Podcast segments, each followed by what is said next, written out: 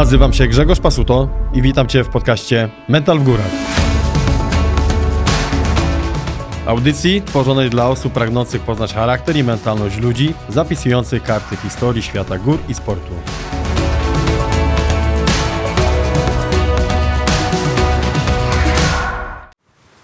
Metal w górach, Grzegorz Pasuto. Moim i waszym gościem jest Adam Bielecki, Himalajista. Cześć Adam. Cześć, witam, witam serdecznie. E, Dzisiaj Adam jesteśmy po treningu już drejtulowym w Gliwicach e, na nowej miejscówce. Jak Ci się podobało?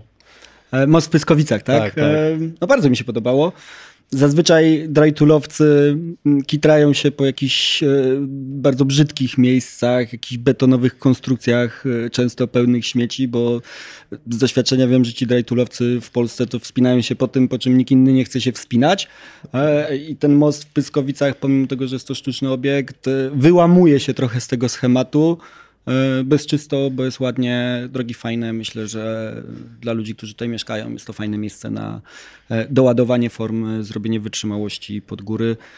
Bardzo fajne miejsce, bardzo fajnie się dzisiaj powspinaliśmy. A Ty drejtul używasz pod kątem przygotowania spinania zimowego, czy przez cały rok używasz tej techniki? Wiesz co, no jakby wspinam się z dziabkami prawie że od zawsze, więc z jednej strony jest to na pewno trening i przygotowanie pod góry, ale też po prostu wielka radość sama w sobie. Staram się być wszechstronnym wspinaczem i tak naprawdę e, wszystkimi tymi subdyscyplinami wspinania się bawię, tak? Wspinam się hakowo, wspinam się drajtulowo, wspinam się lodowo, wspinam się mixtowo, e, zdarza mi się nawet pobulderować. Więc tak naprawdę jakby jest to dla mnie dosyć naturalne, żeby wspinać się e, drajtulowo. E, Bardzo lubię. Bardzo lubię się wspinać z dziabkami. E, Raczej się uważam za wspinacza zimowego i należę do tej grupy osób, które z utęsknieniem czekają na sezon zimowy, pomimo tego, że latem oczywiście też się wspinam. Jakbym miał wybierać, to pewnie wybrałbym wspinanie z dziabkami przed e, wspinaniem sportowym. Ale ostatnio zrobiłeś życiówkę bodajże w e, spinaniu w skale, e, bo byłeś na wyjeździe letnim. Mhm. Wiesz co, tak naprawdę poniekąd dzięki COVID-owi to, tak, to zrobiłem życiówkę i na wspinaniu sportowym, i drajtulowym, i, i hakowym, więc ten okres ostatnich dwóch lat był dla mnie bardzo owocny, bo o ile normalnie funkcjonowałem w takim trybie trening, trening, trening, wyprawa, i od nowa. Trening, trening, trening, wyprawa. W ciągu takiej wyprawy dwumiesięcznej y, no, my po prostu tracimy masę mięśniową i całe to przygotowanie Trochę e, zejdzie. szlak trafia. Natomiast tutaj nie mogłem jeździć na wyprawy, więc trenowałem, trenowałem, trenowałem i rzeczywiście przez półtora roku mogłem e, się skupić tylko na ładowaniu i automatycznie mi się to przeniosło na poziom sportowy. Też e, fajnie się to zgrało, bo w e, czasie pierwszej, pierwszego lockdownu em, kupiłem sobie rower. I okazało się, że ten rower mi fajnie zbija masę, co wiadomo, że przy wspinaniu sportowym jest, e, Robi jest dobrą rzeczą, robi różnicę. I jakoś to się tak wszystko fajnie zgrało, że rzeczywiście no, dużo się wspinam e, sportowo, tak? dużo ładuję. No i oczywiście przekłada się to na wyniki, bo zawsze ta praca w końcu przynosi owoce. A jaka to była życiówka ostatnio na tym wyjeździe? co, zrobiłem e, 7C, e, zrobiłem 7C, e, zrobiłem 7B sitem, e, no i zrobiłem w zeszłym sezonie M8+. e, No i zrobiłem, zaczynam się też uczyć takiej trudniejszej hakówki, zrobiłem tam A3 w Tatrach, więc tak, no dużo się wspina. Ale wymaga to jeszcze teraz e, ustabilnienia takiej formy, że tak jak zrobiłeś właśnie te 7C, że teraz potrzebujesz, no no bo tak, bo to było na wyjeździe, teraz znowu mówimy zima, innego typu spinanie wchodzi w grę. Umknie to z biegiem e, tej zimy, czy No raczej wiesz to co, udaje mi się trzymać w miarę tą formę, natomiast y, wiadomo, że każda wyprawa no, sprawia, że ja znowu jakby spadam. Natomiast rzeczywiście y, jest y, na pewno coś takiego, że jak, jak już raz wypracujemy pewien poziom, to później łatwiej do niego wrócić, tak?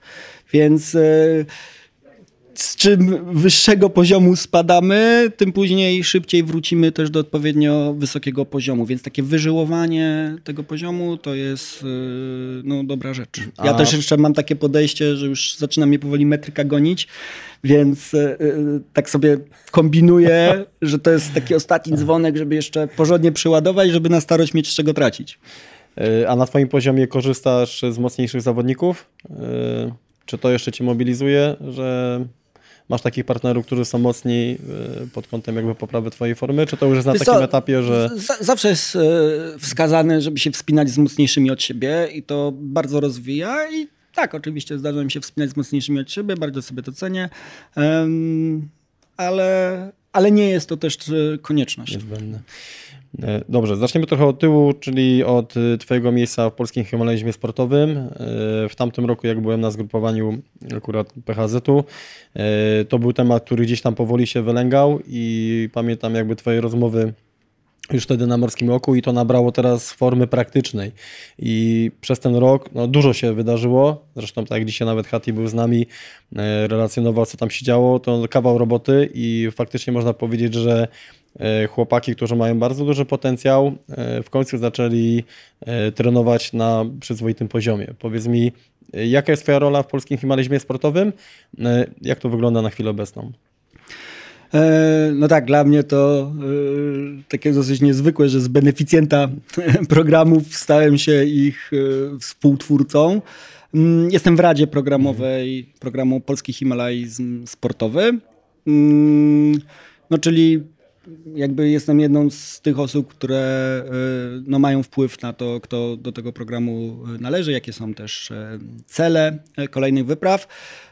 No, program jest zorientowany na wykształcenie kadry, która będzie mogła robić ambitne przejścia techniczne w górach wysokich. Tak, jakby już dawno wiemy, że wchodzenie na ośmiotysięczniki drogami normalnymi ani mnie, ani nikogo innego nie interesuje i to już nie jest jakby kierunek, w którym zmierza mhm. współczesny zawodowy alpinizm.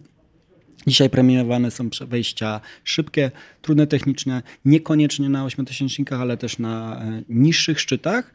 E, no i naszą koncepcją jest e, to, żeby przyłączyć się do tego wyścigu o ten przysłowiowy złoty czekan. To nie chodzi o jakby sam złoty czekan, ale chodzi o to, żeby robić w tym wspinaniu, jakby nadążać za tymi trendami, które w światowym alpinizmie w chwili obecnej możemy zauważyć.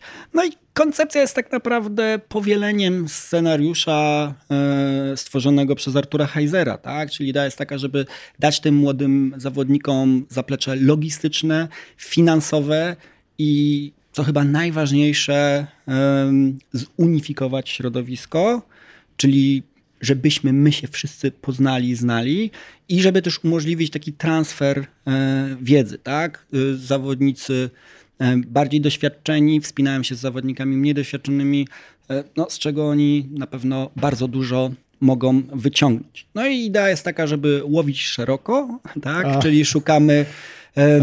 Nie szukamy, niekoniecznie szukamy ludzi, którzy robią M ileś tam. Tak? Chodzi nam e, przede wszystkim o samodzielnych i wszechstronnych wspinaczy. Czyli jeżeli ktoś ma na koncie długie drogi, umie się bezpiecznie poruszać po lodowcu, zaliczył kilka biwaków w górach, swobodnie operuje czekanami i, i, dobrze się wspina w rakach, ale umie się też e, wspinać tradowo, niekoniecznie na jakimś bardzo wyśrubowanym poziomie, czyli jest to osoba wszechstronna i samodzielna górsko, to, to są takie osoby, których my szukamy, więc jeżeli ktoś nas słucha i uważa, że spełnia te kryteria, które można mm, też w internecie bardziej e, jakby uszczegółowione znaleźć, e, no to serdecznie zachęcam do aplikowania do programu.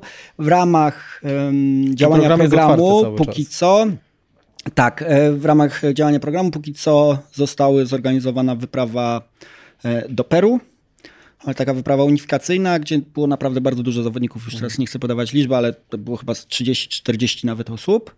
Mm, była zorganizowana wyprawa do Pakistanu. Już wyprawa mająca na celu e, nie tyle unifikację, co po prostu realizowanie mhm. konkretnych przejść o wartości sportowej.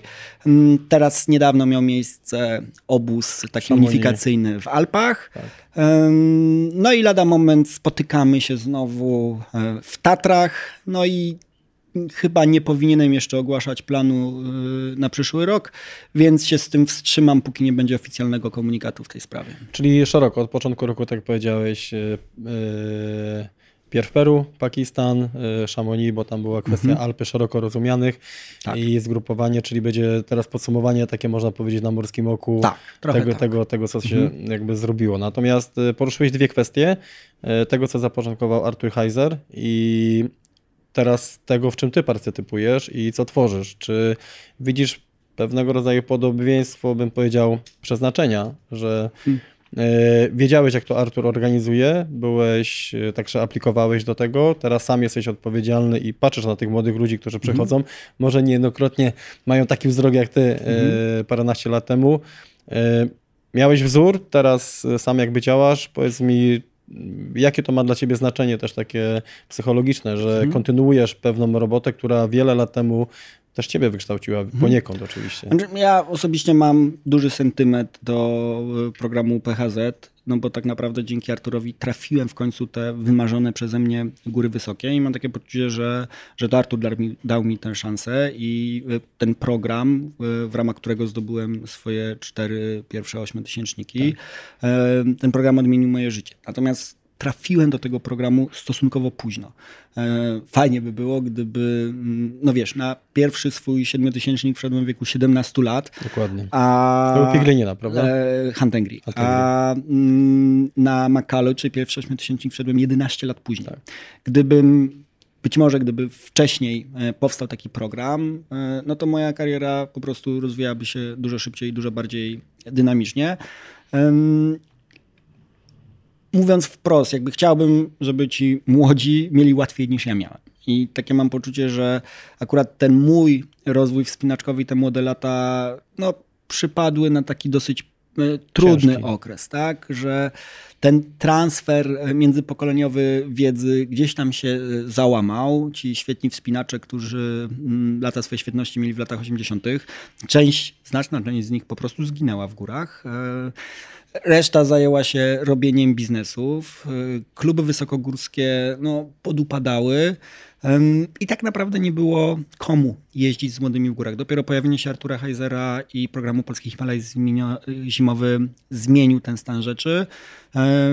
Uważam, że takie programy są bardzo potrzebne. Takie programy jak Grupa Młodzieżowa Polskiego Związku Alpinizmu, takie programy jak wcześniej PHZ, a teraz PHS. no to jest sposób na, na budowanie kadry. No i daje tym wszystkim ludziom, którzy często mm, nie wiedzą jak, nie wiedzą z kim, a bardzo by chcieli, mają motywację, ciężko pracują, trenują, e, daje im szansę na to, żeby zrealizować te swoje e, górskie marzenia. No a my wszyscy na tym korzystamy, bo, bo każdy komu leży na sercu polski alpinizm, bo polskie wspinanie i polski himalaizm, no to widząc już nawet te przejścia, które zostały dokonane, no to na pewno musi się cieszyć. Artur był też swego czasu wizjonerem i oczywiście w tamtym czasie miał e, wielu też przeciwników, natomiast e, historia pokazała, że to był dobry, dobry kierunek. E, powiedz, czy teraz też ty masz łatwiej, z, no bo masz doświadczenie i pewnie ty wiesz, co tym chłopakom poniekąd potrzeba, jakie formy rozwoju, to co powiedziałeś, to czego ty nie miałeś, więc ta droga tak naprawdę jest ustalona, którą trzeba iść. Czy na tym etapie mm, idzie to zgodnie z tym planem, który mieści się właśnie w twoim wyobrażeniu? Znaczy, na pewno bardzo skomplikował nam życie COVID. I tak naprawdę te zeszłoroczne wyprawy odbyły się, czy tegoroczne wyprawy odbyły się y, nie zawsze tam, gdzie byśmy mhm. chcieli, a de facto tam, gdzie to było w ogóle możliwe. Tak? Y, możliwości podróżowania nawet na chwilę obecną są dosyć ograniczone. mocno ograniczone. Natomiast mam takie poczucie, że przez ten pierwszy y, rok swojego działania jakby program zrealizował zamierzone cele. Natomiast to nie może być program obliczony na rok, dwa lata. To powinien być program obliczony na kilka lat. Jeżeli on będzie podtrzymany, jeżeli znajdziemy finansowanie na przyszłe lata, to jestem absolutnie przekonany, że w przeciągu 3, 4, 5, 6 lat posypią się świetne polskie przejścia w górach świata na światowym poziomie. E, no bo to nie jest rzecz, która, którą się buduje e, po prostu w jeden sezon. E, no to jest coś, co trzeba budować jakby powoli od podstaw. Natomiast myślę, że długofalowo to przyniesie bardzo fajne efekty. Czy bierzesz pod uwagę także potrzebę kreowania liderów? To, co powiedziałeś, ty przed sobą masz pewnie jeszcze wiele lat na wysokim poziomie, natomiast na chwilę obecną wy jesteście liderami, patrzycie na tych młodych, yy, na te młode osoby, ale też poniekąd to, co mówisz, nie wiesz, co będzie za 6 lat, prawda? Dopiero wtedy mhm. będzie można spodziewać się jakichś realnych wyników, a nigdy nawet to nie jest pewne, bo jakby w tym świecie górskim yy, wiele rzeczy ma wpływ. Natomiast czy też patrzysz na potrzebę właśnie kształtowania też liderów, czyli jakby też tych osób, które mhm. mają już te predyspozycje i które ewentualnie mogą was wspomagać w tym wszystkim, co robicie? Czy to jest na razie tylko jak, etap? Y, jak patrzę, tego... jak patrzę na tych młodych, to oni są jakby zupełnie normalni. W sensie arogancy, pewni siebie i nie potrzebują liderów, e, tylko potrzebują e, możliwości, żeby się wspinać i działać. I oni jakby się świetnie wspinają. Jakby jest wielu tych młodych zawodników wspina się na technicznie na dużo wyższym poziomie tak. niż ja się kiedykolwiek wspinałem tak naprawdę. E, więc ja tutaj nie mam ochoty wchodzić w buty jakiegoś guru czy lidera i, nie sądzę, żeby to w ogóle się udało. E, natomiast e, na pewno jakby no, trzeba działać, trzeba dać im te możliwości. I ja tu jakby nie wychodzę z pozycji jakiegoś lidera właśnie, tylko bardziej z pozycji takiego działacza. Chyba raczej w tą stronę. Wiesz, no młodość ma to do siebie, że nie szanuje autorytetów i bardzo dobrze, bo żeby zmieniać świat, to trzeba to robić po swojemu. Ale twoja historia, chociaż była opisana właśnie w książce Spod zamarzniętych powiek, gdzie po przeczytaniu tej książki każdy z reguły mówi, że e, zachowuje się tak, jakby Adama znał, bo mniej więcej taka forma jest tej książki i to jest bardzo dobre. E, natomiast no, ewidentnie ta książka też pokazuje formę przejścia też ciebie z osoby, która mhm. jest, można powiedzieć w cudzysłowie oczywiście, troszeczkę arogancka i nieopierzała, do osoby, która teraz jakby jest odpowiedzialna za kierowanie, więc chyba to jest taka też normalna droga nie? jakby każdego spinacza. Niewątpliwie tak, no jakby o tym jest ta książka, tak? O przemianie tego młodego chłopaka, który marzył o górach i który w końcu w nie trafił, to zrobił tam masę głupstw i miał sporo szczęścia, że w ogóle przeżył. No ale w pewnym momencie się nauczył i, e, no i został po prostu profesjonalistą e, w tym, co robi. No i, i, i przestał być e, nierozsądny, szalony i tak dalej, i tak dalej. Więc no tak, to jest jakaś naturalna kolej rzeczy i dobrze, że z wiekiem nabieramy trochę tego doświadczenia, mądrości i przede wszystkim pokory wobec gór, która to pokora jest chyba niezbędna do tego, żeby się poruszać po tych górach względnie chociaż bezpiecznie.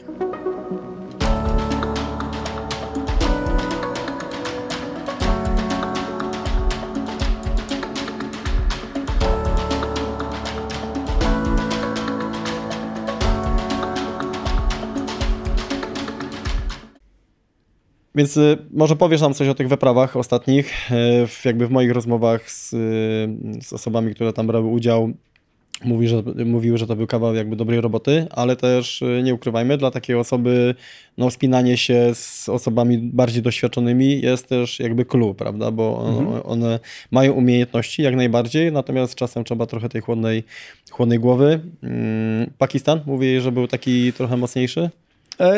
E, no, dla mnie ten wyjazd do Pakistanu to była wyprawa, która mi się marzyła już od dawna. E, ja na tej wyprawie czułem się jak... Czyli miałeś to w głowie parę lat wcześniej już? Tak, tak, tak, oczywiście.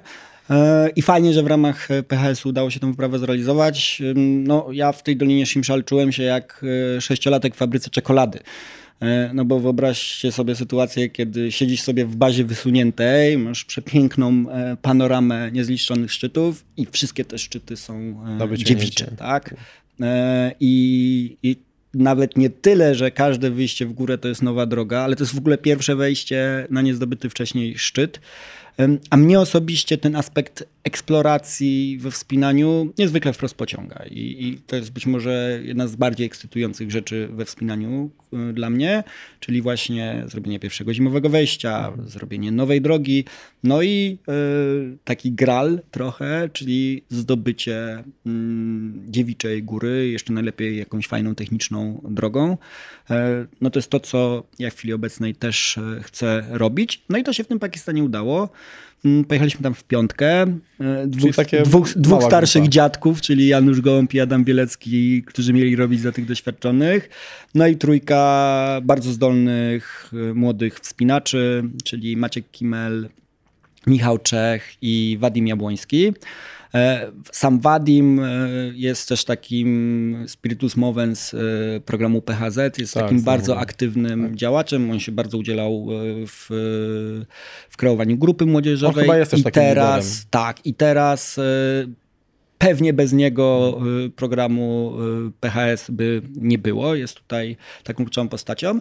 No i w piątkę, w ciągu trzech tygodni, które spędziliśmy w tej Dolinie Shimshal, udało nam się wejść, y, niech ja to policzę, na, na Kutangsar, Sakwasar, Trident, Gunjersar, i e, na Koheganj i Jarcha Dunduk, czyli zdobyliśmy sześć e, niezdobytych wcześniej e, szczytów.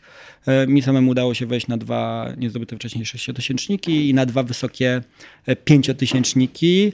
Wszystko to w bardzo fajnej atmosferze, w kompletnie dzikim miejscu. W ogóle miałem takie poczucie trochę powrotu do korzeni, do tak? Czasów. Do starych czasów, czyli mała wyprawa, bez, y, bez jakiegoś zamieszania medialnego, bez konferencji tak, prasowych. Tak, bo mało było tego w internecie nawet. E, w ciszy i spokoju, nawet nie mieliśmy w bazie internetu, nie mieliśmy za bardzo łączności ze światem e, i muszę przyznać, że bardzo mi było z tym dobrze. Tak? Fajnie było pojechać sobie na taką wyprawę jak za e, starych, dobrych czasów. Mm, no i mm, to jakby te przejścia, które zrealizowaliśmy, to oczywiście nie są przejścia na miarę Złotego Czekana, ale myślę, że to jest taki dobry e, pierwszy krok w dobrą, w dobrym kierunku. No i na pewno dla, dla Wadima, Michała i Maćka, którzy jeszcze mają praktycznie całe wspinaczkowe życie przed sobą. Myślę, że nabrali tam naprawdę masy doświadczenia właśnie w kwestii takiego działania w terenie obcym, w terenie lodowcowym. Nabrali też doświadczenia wysokościowego, no bo oczywiście nie są bardzo duże góry, ale jednak już 6 tysięcy, więc ten cały proces aklimatyzacji trzeba było ładnie przeprowadzić. A baza była na jakiej wysokości? Baza była gdzieś nie wiem, nie pamiętam. cztery, cztery coś pewnie. Czyli optymalnie. Tak i... I znowu mam takie poczucie, że rzeczywiście dobrze, że tam byliśmy, bo na początku chłopcy by pewnie poszli od razu się wspinać technicznie i by ich tam wysokość zmuciła, a, a my z Januszem rzeczywiście musieliśmy czasami trochę powściągnąć e, cukle, e, co na pewno wszystkim wyszło na dobre. Natomiast to też trzeba wyraźnie podkreślić, że, że chłopaki miały szacunek dla starszych kolegów i, e, i ich rad i jakby bardzo fajnie korzystali e, z tej naszej wiedzy. No i może dzięki temu rzeczywiście tak bardzo owocny wyjazd, bo praktycznie każda akcja górska, e, którą podjęliśmy, zakończyła się sukcesem. A tam jakie wyceny? Bo też, tak jak powiedziałeś, dwie były, dwa mhm. były jeszcze te dziewicze, więc wy mhm. tak naprawdę zakładali się tam wyceny? Co, no, wszystkie te drogi, które zrobiliśmy, to były drogi e, w okolicach, trudności lodowe. Najczęściej to był Alpine Ice, czyli taki lód alpejski, a nie wodny.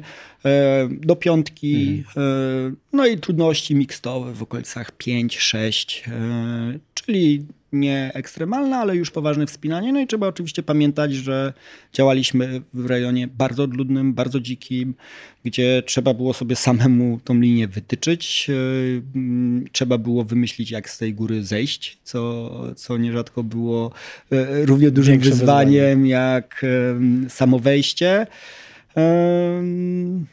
No. To jest rejon, gdzie można by chłopaków właśnie tam brać na szkolenie? Czy to już jest nie, dla bardziej doświadczonych? Nie, to, to już jest rejon dla mhm. ludzi, którzy się po prostu ogarniają, bo wiadomo, że tam nie ma żadnej możliwości przeprowadzenia jakiejś akcji ratunkowej, czy jakaś tam może ograniczone są, ale byłoby to bardzo trudno, więc to już są takie wyjazdy, na które jadą zawodnicy, którzy są w pełni samodzielni. Gdy byłeś na zimowej wyprawie na y, Gaszelbrumie, tam był wtedy też y, Janusz Gołąb. Mhm. Powiedz mi, on wtedy był dla ciebie na tamtym etapie też pewnego rodzaju autorytetem? Oj, zdecydowanie tak. No, miałem, nawet chyba użyłem takiego, takich słów w książce, że jadąc na Gaszę Próba pierwszego i jadąc tam z Arturem Heizerem, z Januszem Gołąbem, no czułem się jakby mógł im co najwyżej buty wiązać pod ścianą ze swoim górskim CV i, i na pewno byłem w chłopaków zapatrzony. Zresztą też miałem taką e, refleksję, będąc na tej wyprawie e, i widząc młodych chłopaków, którzy po prostu bez względu na wszystko rwali się do góry i tylko chcieli się wspinać, wspinać. E, w pewnym momencie popatrzyłem na Janusza i mówię, co Janusz, też taki kiedyś byłem, nie? A Janusz mówi, no byłeś, nie? E, no ale tak, to jest też przywilej wieku. No ale to wydaje się, że to jest y, właśnie ta potrzeba tych liderów, że y, tak jak powiedziałeś, ty jesteś aktywnym spinaczem, z chłopakami działasz i tak się czujesz najlepiej, natomiast oni mimochodem będą zawsze gdzieś tam patrzeć na, tych, na te osoby, które mają większe doświadczenie.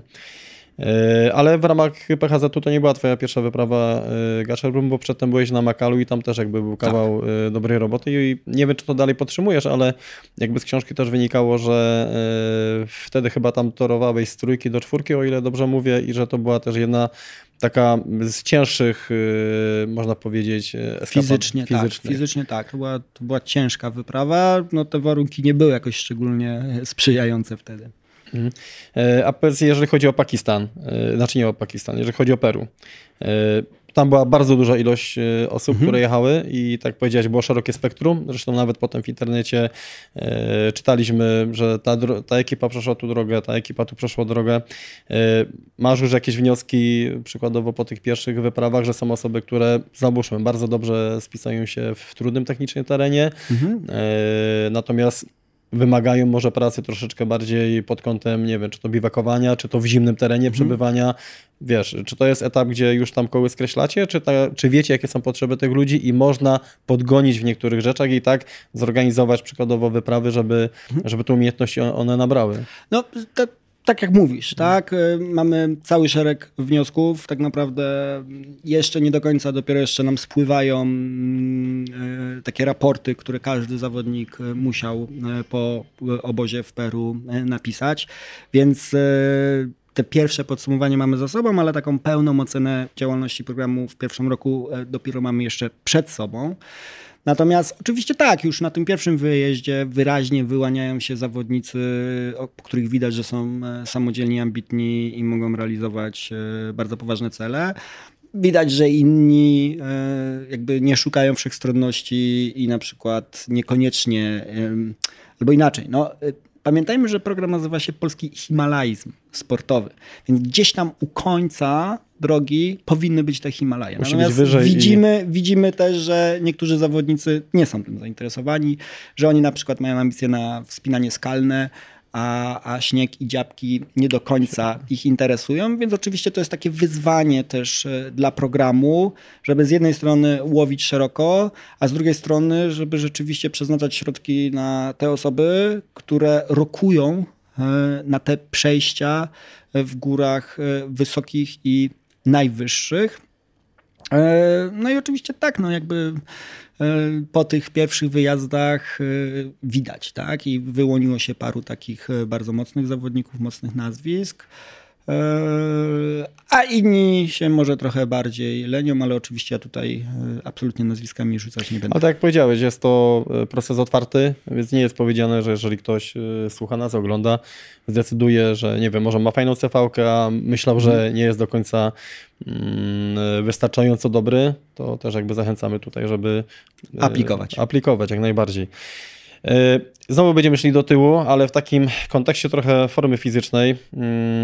No bo widać to e, po tobie, szczególnie teraz, że ta forma jest. E, Nawet w książce tutaj przytoczę taki mm, przykład, w którym mówiłeś, że przed przygotowaniami, gdy wiedziałeś, że będziesz jechał na Pig Lenina, e, czyli to był chyba 2000 rok, o ile dobrze mówię, tam- i Han, to twój trening po części też wyglądał w taki sposób, że mm, brałeś kompas, wyznaczałeś sobie azymut, oczywiście była to zima, im cięższy teren, tym lepiej i na tym polegało twoje, twoje trenowanie, czyli pchałeś się umyślnie w teren e, ciężki e, po to, żeby fizycznie w terenie względnie oczywiście mm. bezpiecznym, no bo bywałeś w tych terenach, e, żeby to wszystko jakby przećwiczyć i zbierać tutaj tą formę. Powiedz mi, jaka jest różnica przygotowania pomiędzy teraz tym etapem, na którym mm. jesteś, czyli jesteś przygotowywany chyba w dalszym ciągu, tak, przez formę na szczyt, czy to już jest na zasadzie znaczy, bardziej koleżeńskim? I... To jest w ogóle, no nie była ziemia, tak? Mm. Ja byłem byłem w tym wspinaniu na początku zupełnie sam i trenowałem tak, jak oko, myślałem, na tak, na oko, na czuja, po swojemu, a,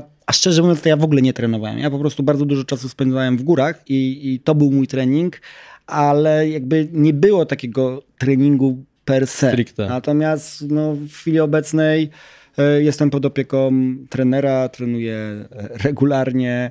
Um, ale jak byłeś... z zegarkiem, trenuje no z tak, pulsoksymetrem. Przepraszam tylko, że ci przerwę. I ten trening przede wszystkim jest usystematyzowany no i zaplanowany. E, tylko ty jak zacząłeś jakby, yy, zwróciłeś się w drogę lepszego przygotowania jeszcze, czyli żeby wyciągnąć jeszcze więcej niż z tego, yy, co do tej pory miałeś, to też już byłeś na określonym poziomie. Tak. Yy, I teraz tak jak widzisz, właśnie wykonywanie badań wydolnościowych, stricte pomoc trenera, mhm. pracowanie w odpowiednich strefach, to jest, daje to jakby potężne możliwości. Tak.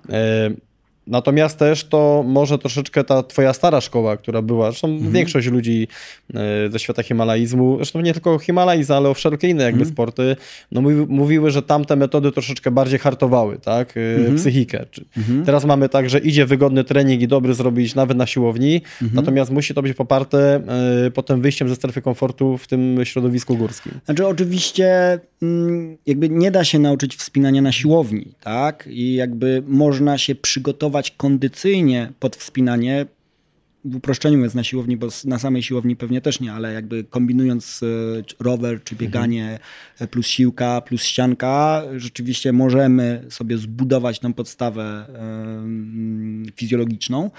Natomiast oczywiście no, nic nie zastąpi przewspinanych metrów w górach i, i żeby działać gdzieś tam wysoko, to trzeba swoją e, ilość wyciągów poprowadzić, swoją ilość haków czy innego rodzaju przelotów osadzić e, i odpowiednią ilość wycofów czy biwaków zaliczyć. Doświadczenia no, nic nam e, w górach nie zastąpi. Wprowadziłeś także swój plan treningowy rower. E, jaki to ma teraz e, dla ciebie znaczenie? Bo tak jak powiedziałeś, nie jesteś fanem e, biegów ultra, aczkolwiek w książce jest tam też historia biegu rzeźnika, czyli te biegi ultra też na pewnym poziomie były w twoim życiu obowiązkowe. Mhm. Mm, natomiast teraz też przerzuciłeś się właśnie na aktywność rowerową, sam powiedziałeś, że pozwala ci utrzymać dosyć dobrą wagę. No i jest to chyba taka też ciekawsza forma, bo więcej zwiedzimy w trakcie tego treningu. Teraz, gdy jesteś między wyjazdami, I w domu jak dużo spędzasz czasu właśnie na rowerze? Po, powiedz mi pod kątem siłowni, mhm. innych aktywności, przykładowo biegania i rower. Jaki to ma gdzieś stosunek? Wiesz, to nie jest e, łatwe pytanie z tego względu, że to się zmienia. Mhm. To się zmienia w zależności od e, fazy treningu, od charakteru mojego kolejnego projektu, od tego, ile mam prelekcji w danym tygodniu. Więc jakby mm, to nie jest aż tak e, bardzo mhm. stałe. No ale powiedzmy, że mam od 5 do 8, maks 10 jednostek treningowych w tygodniu i podstawą jest e, dla mnie, była, jest i mam nadzieję, że będzie, to jest ścianka e, dalej. Oprócz tego e, są schody, bieżnia w postaci schodów i to jakby w chwili obecnej nie chodzę na schodach, bo nie planuję żadnej mhm. jakiejś dużej wyprawy. Ale, Ale, jak tylko się pojawi jakby kolejny tak. duży projekt gdzieś tam wysoko, e, to na pewno ta rutyna na schodach e, znowu będzie. E, oprócz tego ćwiczenia uzupełniające raz, dwa razy w tygodniu na siłowni, no i do tego rower. Tak? Kiedyś biegałem, ale ja po prostu słabo biegałem. Miałem słaby wzorzec ruchowy, to bieganie mnie dużo kosztowało mm, i rzeczywiście miałem taką przygodę z biegami górskimi ultra. Natomiast e, ja po każdym z tych biegów czułem się, jakby mnie ktoś pobił kijami i miałem masę mikrourazów i bardzo długo dochodziłem po siebie, do siebie. I też e, po prostu słaby byłem w tych biegach, mhm. tak? Jakby zawsze było moją ambicją, żeby przynajmniej być w tej pierwszej połowie zawodników, e, i nie było to dla mnie łatwe. Miałem takie poczucie, że z racji tego, co robię, no to coś mi się należy, Dobrze. tak? E, że to powinno A tak, tak nie być. było, że powinno być lepiej. A nie było. No i mm, po kontuzji, tak, no bo miałem dwa lata temu dosyć poważną kontuzję, połamałem piętę i porzuciłem to bieganie, no i odkryłem rower. I nagle się okazało, że na tym rowerze, e, po trzech miesiącach jazdy na rowerze, ukończyłem jeden z najtrudniejszych, jeżeli nie najtrudniejszy e, ultramaraton e, gravelowy w Polsce, czyli wyścig Wisła 1200. 1200 kilometrów do przejechania na rowerze, co mi zajęło trochę ponad 130 godzin. No i ja po przejechaniu tego dystansu następnego dnia mogłem wsiąść na rower i jechać dalej. I co więcej, na 400 zawodników, którzy wystartowali, ja tam miałem chyba 101 miejsce, czyli jestem w pierwszej tak. ćwiartce praktycznie. Nie? Jak na swoim drugim wyścigu już e, na Pomorskiej 500 to byłem e, w pierwszej 50. No i, i to są wreszcie satysfakcjonujące wyniki. Mam takie poczucie, że jeszcze trochę pojeżdżę, może sezon 2 i, i mogę zacząć się ścigać, nie? czy tam walczyć o pierwszą 30 czy pierwszą 20 e, zawodników. No i to jest wreszcie tak, jak powinno być. Czyli ewidentnie ten rower y, mojemu organizmowi dużo bardziej pasuje, dużo lepiej się czuje, jest dla mnie dużo bardziej naturalny, mniej kontuzjogenny. A robotę i tak robi, tak? Czyli, czyli taką po prostu wydymkę cardio. Plus y, fajnie mi też y, ten rower kontroluje masę. Treningowo jeżdżę dwa, dwa razy w tygodniu, tak powiedzmy średnio czasami częściej, czasami mniej, ale oprócz tego jeszcze dla przyjemności. Więc yy, to się dodaje. Yy, I to też nie jest tylko, tylko gravel, bo, bo współpracuję teraz ze szwajcarską firmą BMC, yy, dzięki której dostałem też szosę. I ta szosa rzeczywiście pod kątem treningowym jest lepsza, tak? bo łatwiej jest trzymać zakresy, E, więc tak pod kątem treningowym szosa, ale pod kątem przyjemności i fanu z jazdy zdecydowanie gravel, bo jak to zwykłem mówić, na rowerze najbardziej to się lubię gubić. I, i takie gubienie się na gravelu, no to jest, to jest fan, bo, bo bez, względu na, bez względu niemalże na rodzaj nawierzchni ja i tak jestem w stanie sobie pojedziesz. poradzić.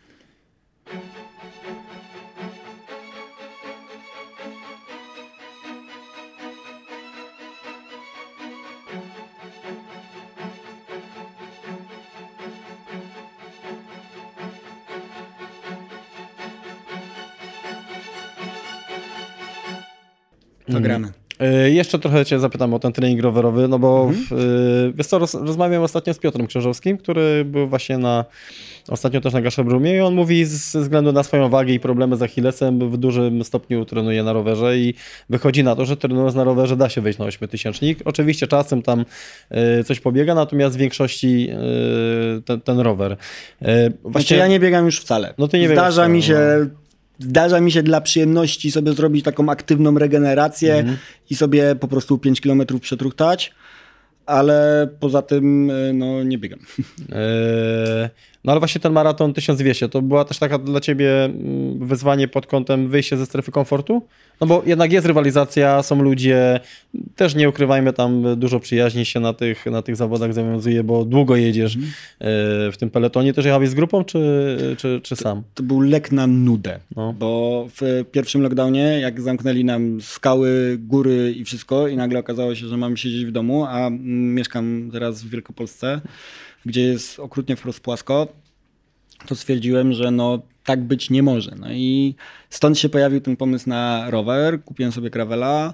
Mm, bardzo mi się spodobała ta jazda na tym gravelu. No i zacząłem szukać w internecie, czy jest jakaś scena. Skoro jest pełno biegów ultra, to na pewno są jakieś tak. wyścigi ultra. I jak odkryłem, że jest coś takiego jak Wisła 1200, która się odbywa za trzy miesiące, no to w końcu sobie znalazłem cel sportowy. A tak? to jest Byłem... spore wyzwanie, tylko przybliżmy ludziom, że to jest wyścig z, na, no, praktycznie tak jak idzie Baraniej Wisła, Góry od Dokładnie. źródeł e, do e, tak. ujścia Wisły w Gdańsku i 50% to są drogi utwardzane, a 50% to jest teren i to jest Różnego wszystko rodzaju. od... Tak szutrów e, po łąki, bagna i już jakieś kompletne bez Warunki dyktują, dyktują yy, tak. tempo. Nie? No i jakby wracając do tego, co mówiłem, mm, miałem trzy miesiące i byłem po prostu ciekawy, tak? Postawiłem sobie takie wyzwanie. Ciekawe, czy w zupełnie nowej dla mnie dyscyplinie sportu ja jestem w stanie w ciągu trzech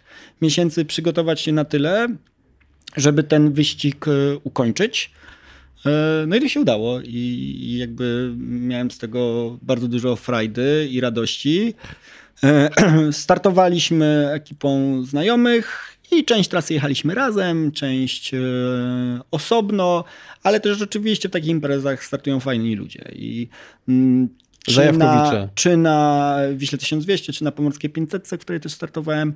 E, po prostu była fenomenalna atmosfera i, i, i, ludzie e, przesympatyczni i nie masz w ogóle, przynajmniej w tej części stawki, w której ja jeżdżę, w ogóle się nie ma poczucia czas, rywalizacji, a, a raczej jest wzajemne wspieranie się, motywowanie i, i to jest fajne.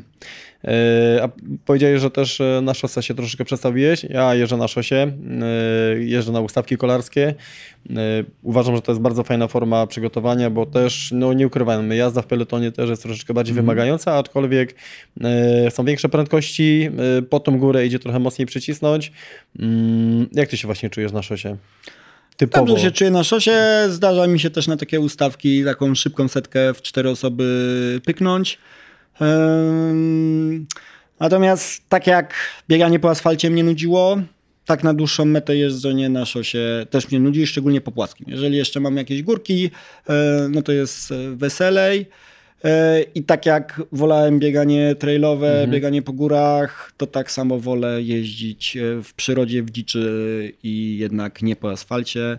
Flat is boring i asfalt, jakby to nie jest moje naturalne środowisko, więc tak naprawdę ta szosa bardziej pod kątem treningowym, a tak jak powiedziałem, dla fanu, dla siebie, dla, dla przyjemności z jazdy, y, czy na po prostu fajne spędzenie weekendu, y, wybiorę jednak gravela i E, no, ku niezadowoleniu trenera jednak więcej jeżdżę na gravelu niż na szosie. A jeszcze, żeby jeszcze tak dać troszeczkę m, mm, takich informacji dla naszych jakby widzów, słuchaczy pod kątem treningowym. E, w, w, dalszym ciągu e, jakby ta strefa tlenowa, bazowa dla Ciebie jest postawą treningów, czyli jest to ta druga strefa.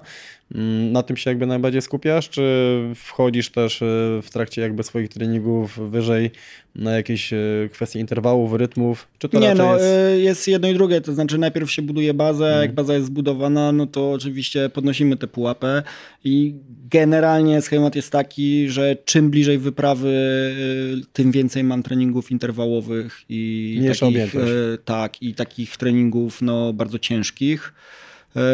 I o ile wcześniej to są raczej długotrwałe wysiłki mhm. na małej intensywności, to już niejako przed samą wyprawą E, dajemy do pieca i metaliczny posmak w ustach, mroczki przed oczami i, i, i słabość forma, w nogach, tak, czyli miękko. po prostu działanie natętnie maksymalne. A to jest forma y, rowerowa, biegowa, czy w górach e, krótkie podbiegi? Schody. Schody. Najlepsze są. Plecak też w to wchodzi? Czy... Tak, mhm. tak, wchodzi w to plecak yy, i czasami też wchodzi w to hipoksykator czyli takie tak. urządzenie, tak. które mi symuluje atmosferę ubogą w tlen, bo taki hipoksytakator też e, posiadam. A ty widzisz progres u siebie, no badania regularne, jeżeli chodzi o próby e, wydolnościowe robisz już od kilku lat, można powiedzieć? Ostatnio już nie robię, ale, ale rzeczywiście Czułeś progres, robiłem. że to jeszcze idzie do góry? Czy, jesteś, czy to już jest na takim poziomie, że nie jest to potrzebne?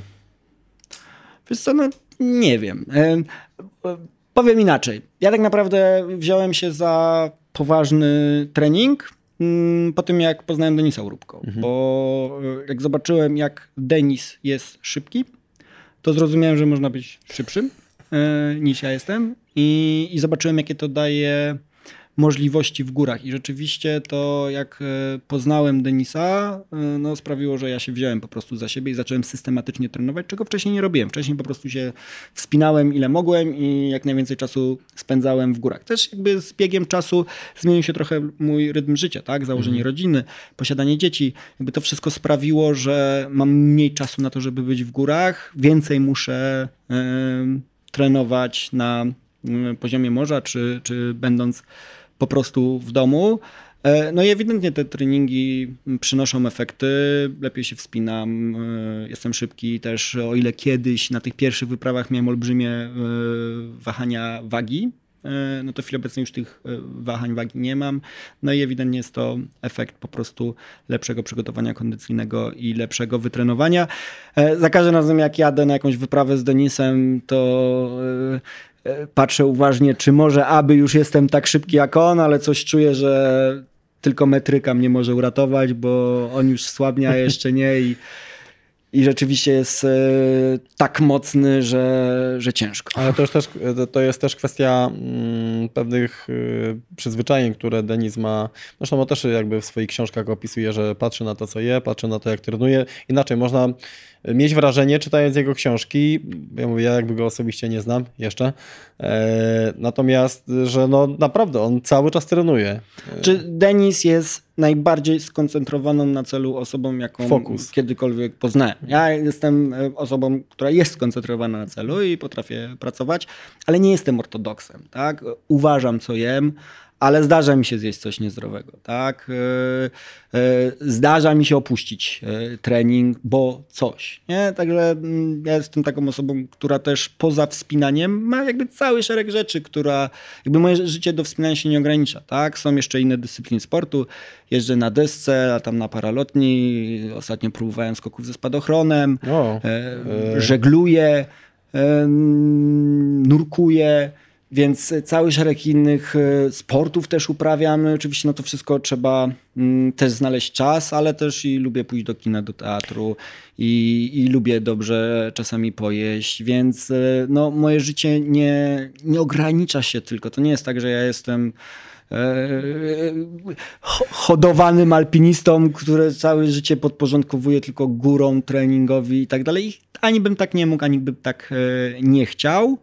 E, no za co płacę tym, że jestem jeszcze trochę wolniejszy od Denisa. Ale wiesz o dobrze, czytając książkę e, i słuchając e, jakby na prelekcję, to można twoje życie podzielić na dwa etapy. Ten właśnie pierwszy etap, gdzie góry były absolutnie wszystkim i kwestia, gdy faktycznie, no ty już się po prostu pewnych rzeczy dorobiłeś, więc już masz doświadczenie, masz y, pozycję, więc masz też czas na spełnianie właśnie innych rzeczy, tak jak tutaj e, wspomniałeś. E, I to też chyba przychodzi z wiekiem właśnie, że już coś tam w tym życiu masz takie wrażenie, że osiągnąłeś przecież. Znaczy wiesz, jak to mówił Arthur Heiser, stare lisy kity nie moczą, nie?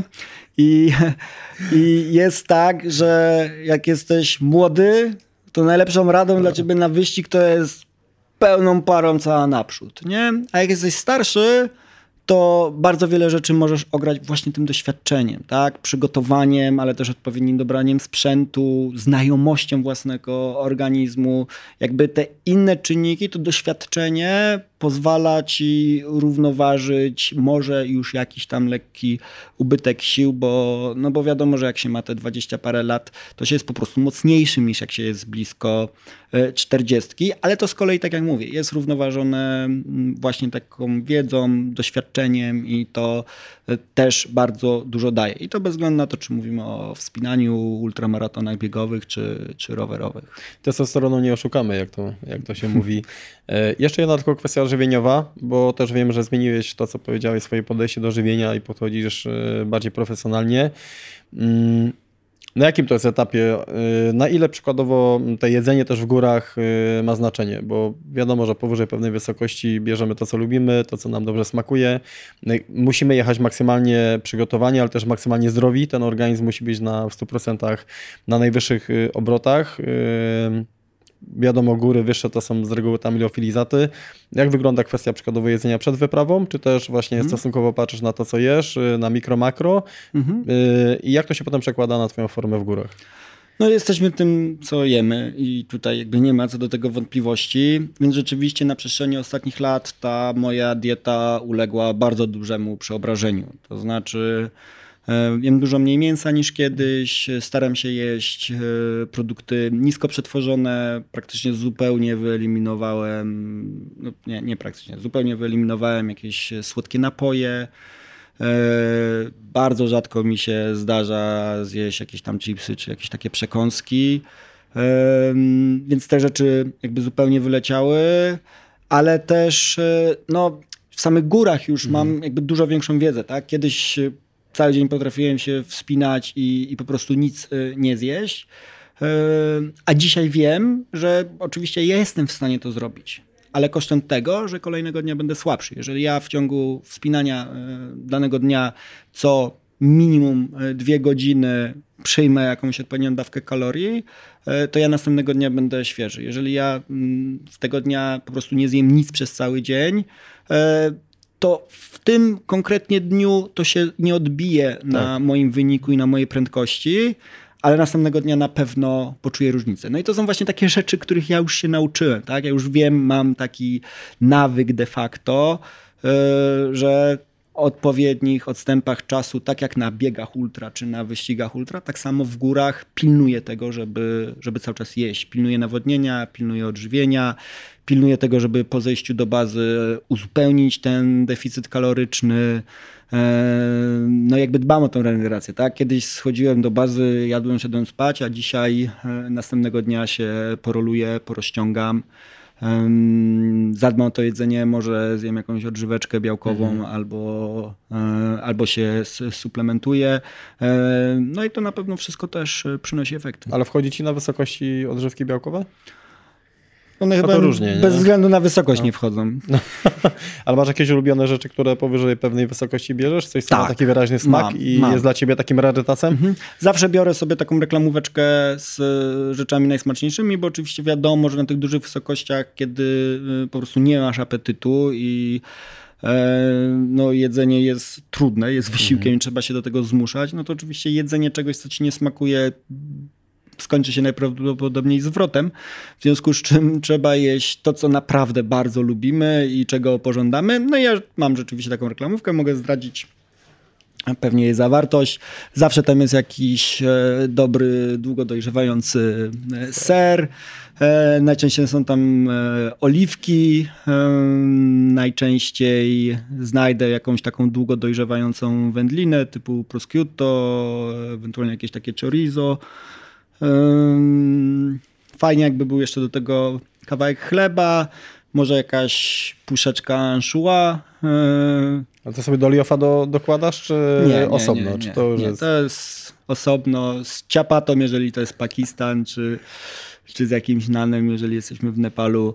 E, robię sobie takie kanapeczki przed atakiem szczytowym i, i z radością zajadam grujera z, z anchois i, e, i, generalnie dobrze się odżywiam. Ale, ale wiesz, że to się powiela u wielu jakby osób, właśnie te hmm. potrawy, które mają wyrazisty smak. Wiesz, no my na tych dużych wysokościach no, siłą rzeczy ładujemy w siebie węgle pod postacią hmm. słodką, więc ja nigdy nie byłem osobą, która jakoś tam szaleje za słodyczami. Zawsze preferowałem słone przekąski i mm, ładowanie w siebie tych żeli, batoników, co oczywiście trzeba robić, e, jakby wymaga u mnie przeciwwagi w postaci słonych rzeczy. Więc rzeczywiście, e, jak mam tą reklamówkę tych swoich towarów luksusowych, to myślę, że 90% z tych rzeczy to będą pikantne i słone rzeczy. Czyli to jest Adam coś dla duszy i coś dla ciała. Czyli dla, dla ciała muszą być. Tak e, te żele i te batony, a tak. dla duszy coś ponadto. Dobra, porozmawiamy zaraz o Blegiaku, ok?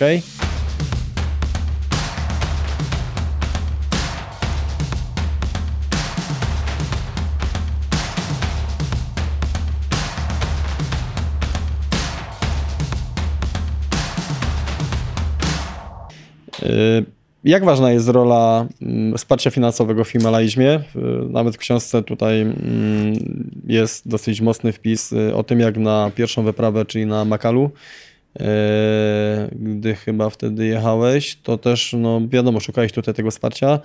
Mm, też były osoby, które zaufały, wierzyły w to, że, hmm. że warto inwestować tutaj w ciebie.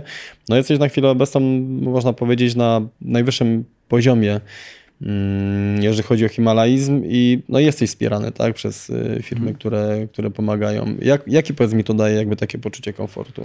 No jakby to jest absolutnie niezbędne do tego, żeby to robić na odpowiednim y, poziomie, bo po pierwsze y, same wyprawy trwają tak długo, że ciężko jest wykonywać jakiś inny zawód, a jak jeszcze do tego dołożymy treningi, a jak jeszcze ktoś chce do tego dołożyć rodzinę, no to sorry, ale doba ma tylko 24 godziny i jakby nie wyobrażam sobie tego, żeby no, mieć ten trening y, na odpowiednim poziomie i jeszcze godzić to z jakąś pracą zawodową, chociaż oczywiście to też nie jest tak, że ja sobie leżę, a mi od sponsorów y, pieniążki na konto wpływają. Jakby też muszę zapracować. Na no chociażby sama sensie, książka. Tak, ta tak. książka się sama nie napisze. Tak. E, jakby dużym źródłem dochodu dla mnie są, e, były i, i są i, i, mam nadzieję, że będą, e, są prelekcje. Moja współpraca z marką Black Jak ma tutaj jakby ważną rolę. No i, i sponsorzy, tak, do tego dochodzą. No, taki jakiś minimum komfortu finansowego jest o tyle niezbędny, że daje nam czas na to, żeby, żeby trenować i, no i żeby się wspinać na odpowiednio wysokim poziomie. Tak? Jakby e, w latach 80 się tak mówi, że oni to mieli trudno, a my mamy łatwo, a, a to tak nie do końca, nie? Bo jakby szereg tych himalajstów najbardziej znanych polskich było gdzieś tam pozatrudnianych mhm. w państwowych firmach tak, tak. na zupełnie jakichś fikcyjnych e, umowach. umowach. Tak. E, no ale mieli pewne zabezpieczenie e, finansowe, mieli pewną stałość, no jak idziesz na swoje, idziesz w profesjonalny sport i wybierasz dyscyplinę nieolimpijską, jaką jest e, Himalajizm, no to jesteś zostawiony sam sobie, no i trzeba sobie radzić. Ja nie narzekam, e, nie jest mi łatwo, ale komu jest łatwo. E, cieszę się, bo, bo jakby doszedłem do takiego poziomu, że jestem w stanie ze spokojną głową trenować, jestem w stanie zapewnić jakby byt swojej rodzinie, co sobie no, mm, oczywiście bardzo, bardzo cenię. E, Natomiast jakby tak jeszcze kończąc tą odpowiedź, no bez wsparcia sponsorów ten sport w ogóle nie istnieje, tak? No bo kogo stać na to, żeby te kilkadziesiąt tysięcy złotych e, na taką wyprawę e, wydać, a jeżeli kogoś stać, to najczęściej już nie ma czasu na to, żeby na taką wyprawę pojechać, bo no, żyjemy w takich czasach, że albo masz czas, albo masz pieniądze, a w Himalajzmie potrzebne jest jedno i drugie.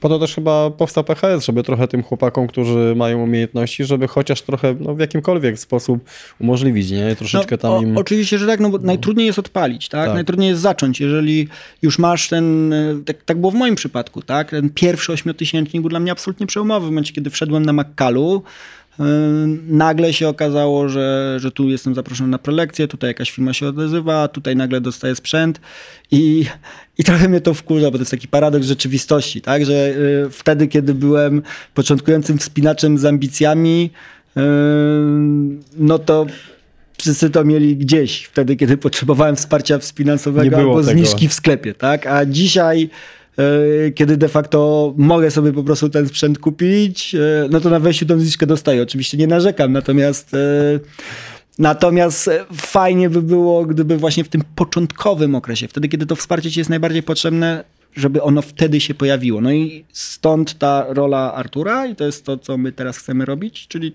to, co już powiedziałem, tak? Wsparcie logistyczne, finansowe i, i takie doświadczenie, e, które dajemy tym młodym ludziom którzy w ramach PHS-u mogą osiągnąć swoje pierwsze sukcesy wspinaczkowe i dzięki temu też być może wybić się na e, samodzielność i pochytać sobie już jakieś swoje własne kontrakty reklamowe, bo, bo najtrudniej jest zacząć.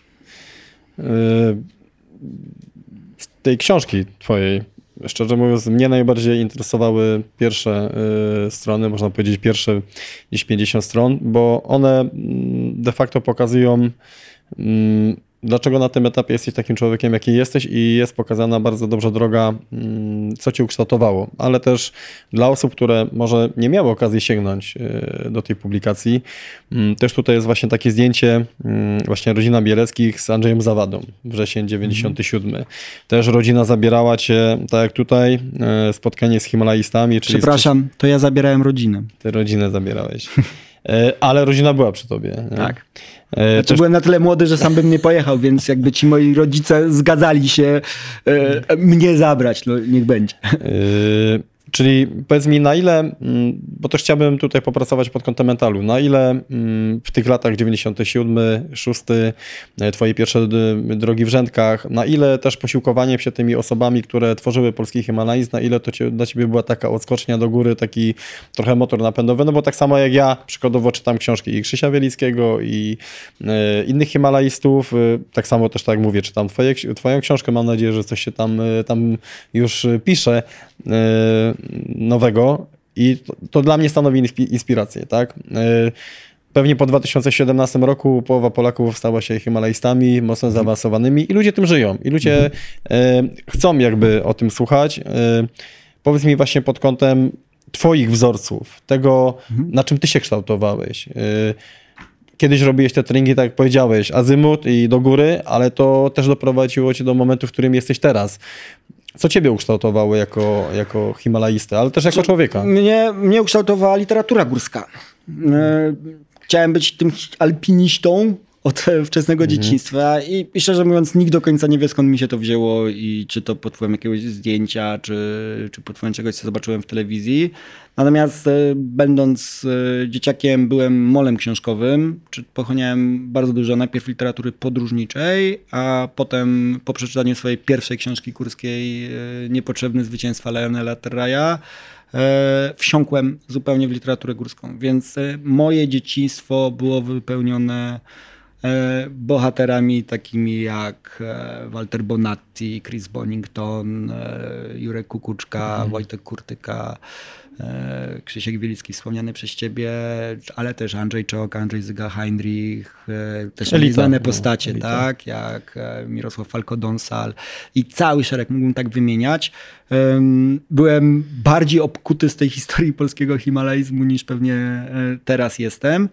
Więc na pewno w znacznym stopniu jestem jakby ukształtowany przez literaturę górską. Natomiast oczywiście też w pewnym momencie tego rozwoju sportowego przychodzi taki moment, że przestajesz patrzeć na innych, a starasz się wytyczać w tych górach po prostu własny szlak.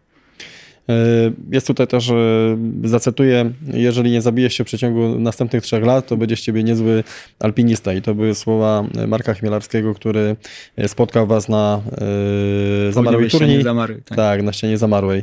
No i to były takie nie wiem, czy teraz wracasz do tych rzeczy, w takim sensie, że to faktycznie w jakiś sposób były prorocze słowa. Tak, na pewno tak. No, mm, pewnie to robiło jakieś wrażenie, że mamy 15-latka, tak. który jakby samodzielnie prowadzi te wyciągi w Tatrach. E, przypomnijmy, że to były czasy, że żeby zrobić kurs tateryński to trzeba było mieć 16 lat, więc e, siłą rzeczy ja tego kursu mm, nie miałem, chociaż próbowałem go E, zrobić.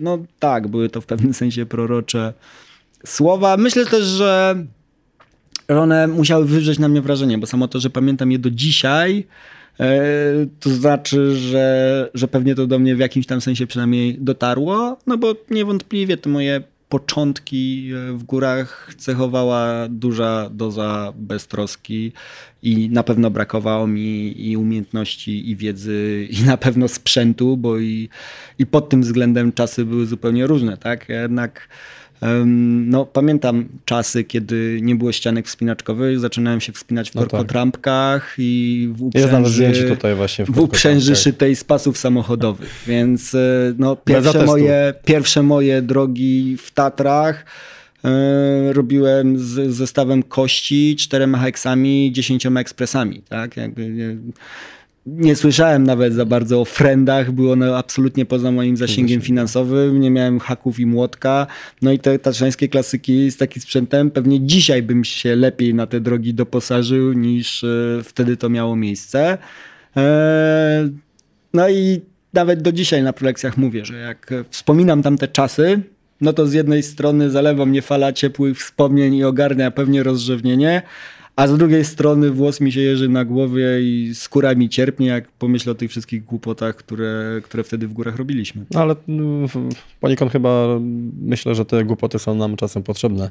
No bo jednak na nich też się uczymy, nie? No wiesz, oczywiście, że uczenie się na własnych błędach jest skuteczne tak. i, e, i, i jakby przynosi efekt, Aczkolwiek nie jestem do końca przekonany, czy akurat wspinanie jest tym sportem, którego się trzeba uczyć na własnych błędach. E, no bo wiesz, e, trochę tak jest, że albo się zabija, albo się nauczy. Tak. Ja się nauczyłem, ale jeżeli ktoś dzisiaj mnie pyta, a sporo takich zapytań na, na moje media społecznościowe przychodzi. Adam, chciałbym się wspinać, jak zacząć, co zrobić? No to mówię, idź do klubu, zapisz się na kurs skałkowy taczański, letni, zimowy. Jak to wszystko zrobisz, to ty już będziesz wiedział, co robić z tym swoim wspinaczkowym życiem. Czyli jakby sugeruję drogę zupełnie odwrotną niż ta, która stała się moim udziałem. No ale cóż, no, tak było jak było. Yy, czy jesteś Pamiętasz jeszcze siebie e, właśnie z tego wieku 17 lat, tego takiego nieopieszonego młokosa, który e, jakby, którym kierowała tylko pasja i czy ten moment życia, jakby, w którym jesteś, to do czego doszedłeś, to jakby gwarantuje ci już taką satysfakcję? Czy jesteś zadowolony z tego, z tego co osiągnąłeś? Wiesz co, to chyba jakby jest chyba cecha sportowca, takie wieczne nienasycenie i tak naprawdę e, projekt e, już zrealizowany jest tylko i wyłącznie wspomnieniem, a, a na szczycie góry, na którą wlazłeś, od razu się pojawia w głowie pomysł na następną wyprawę. I nie, ja jakby nie jestem usatysfakcjonowany. Cały czas mam szczerą nadzieję, że najlepsze przejścia są dopiero przede mną i, i zdecydowanie nie zamierzam osiadać na laurach. Zamierzam się jeszcze ostro i fajnie w życiu powspinać i tak jak mówię, jestem, nie mam nadziei, jestem przekonany, że, że najlepsze wejścia są dopiero przede mną. Myślę, że e, to, co właśnie powiedziałeś tutaj na końcu, że to jest chyba takie fajne też podsumowanie naszej rozmowy, że tak jak w dzisiejszych czasach jest możliwe zbudowanie odpowiedniego programu dla młodych chłopaków i z tego faktycznie coś wykrzesać, tak samo jest możliwe bycie Himalajistą, mieć normalne, jakby normalną rodzinę, prawda? To, tak. to, to wszystko się e, gdzieś tam w tej kwestii zmienia i y, ja mogę jakby ze swojej strony powiedzieć, że nawet to, że tak jak mówię dzisiaj, poszliśmy sobie na ten dry tool i tam troszeczkę ty zrobiłeś trening dla mnie, to też było coś fajnego, no bo jest to dla mnie motywacja, tak jak idę yy, z kimś dużo, dużo, dużo lepszym. Yy, więc też to jest yy, przede wszystkim, mówię, duża dawka motywacji. Natomiast ręczę, że Adam jest w dalszym ciągu normalną osobą, ciepłą. To jest Adam, to jest naprawdę bardzo fajne, nie? że tu nie ma niczego typu, jesteś dostępny. Mhm. Jesteś dostępny, a to jest e, jakby bardzo ważne. Więc... Ja lubię ludzi także. No i, i nie, niech tak zostanie. Także fajnie, że takie osoby gdzieś tam swoim doświadczeniem kreują teraz, tak jak mówię, nowych spinaczy, a mam nadzieję w przyszłości nowych liderów. Także myślę, że na tym zakończymy. Moim i waszym gościem był Adam Bielecki, Himalajista. Dziękuję Adam. Dzięki wielkie. Dziękuję.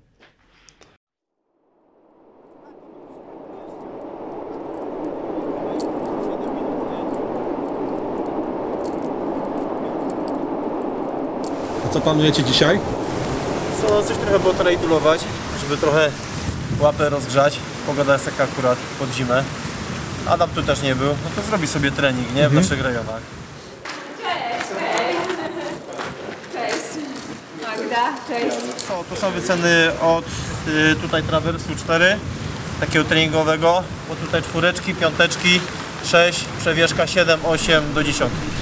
No bo mamy jeszcze jakieś takie 5 plus dłuższe, gdzie by były karabiobole. Co, wszędzie już potem to się już zaczyna... Yy... Jeśli jesteś ciekaw, jak wyglądał nasz gość oraz jak przebiegało nagrywanie podcastu, koniecznie zajrzyj na kanał YouTube Metal w Górach. Dodatkowo audycja wideo jest wzbogacona o super filmiki naszych gości. Koniecznie tam zajrzyj. Partnerami podcastu są Paris Adventure, czyli szkolenia górskie, turystyka zimowa, skitury, spinaczka, które mam przyjemność prowadzić wraz z kadrą najlepszych instruktorów oraz Expo Sklep. Sklep z odzieżą i sprzętem górskim, który ma swoje sklepy stacjonarne w Będzinie i w Bielsku Białej oraz oczywiście prowadzi sprzedaż internetową. Poza dobrą ofertą, profesjonalne doradztwo gwarantowane.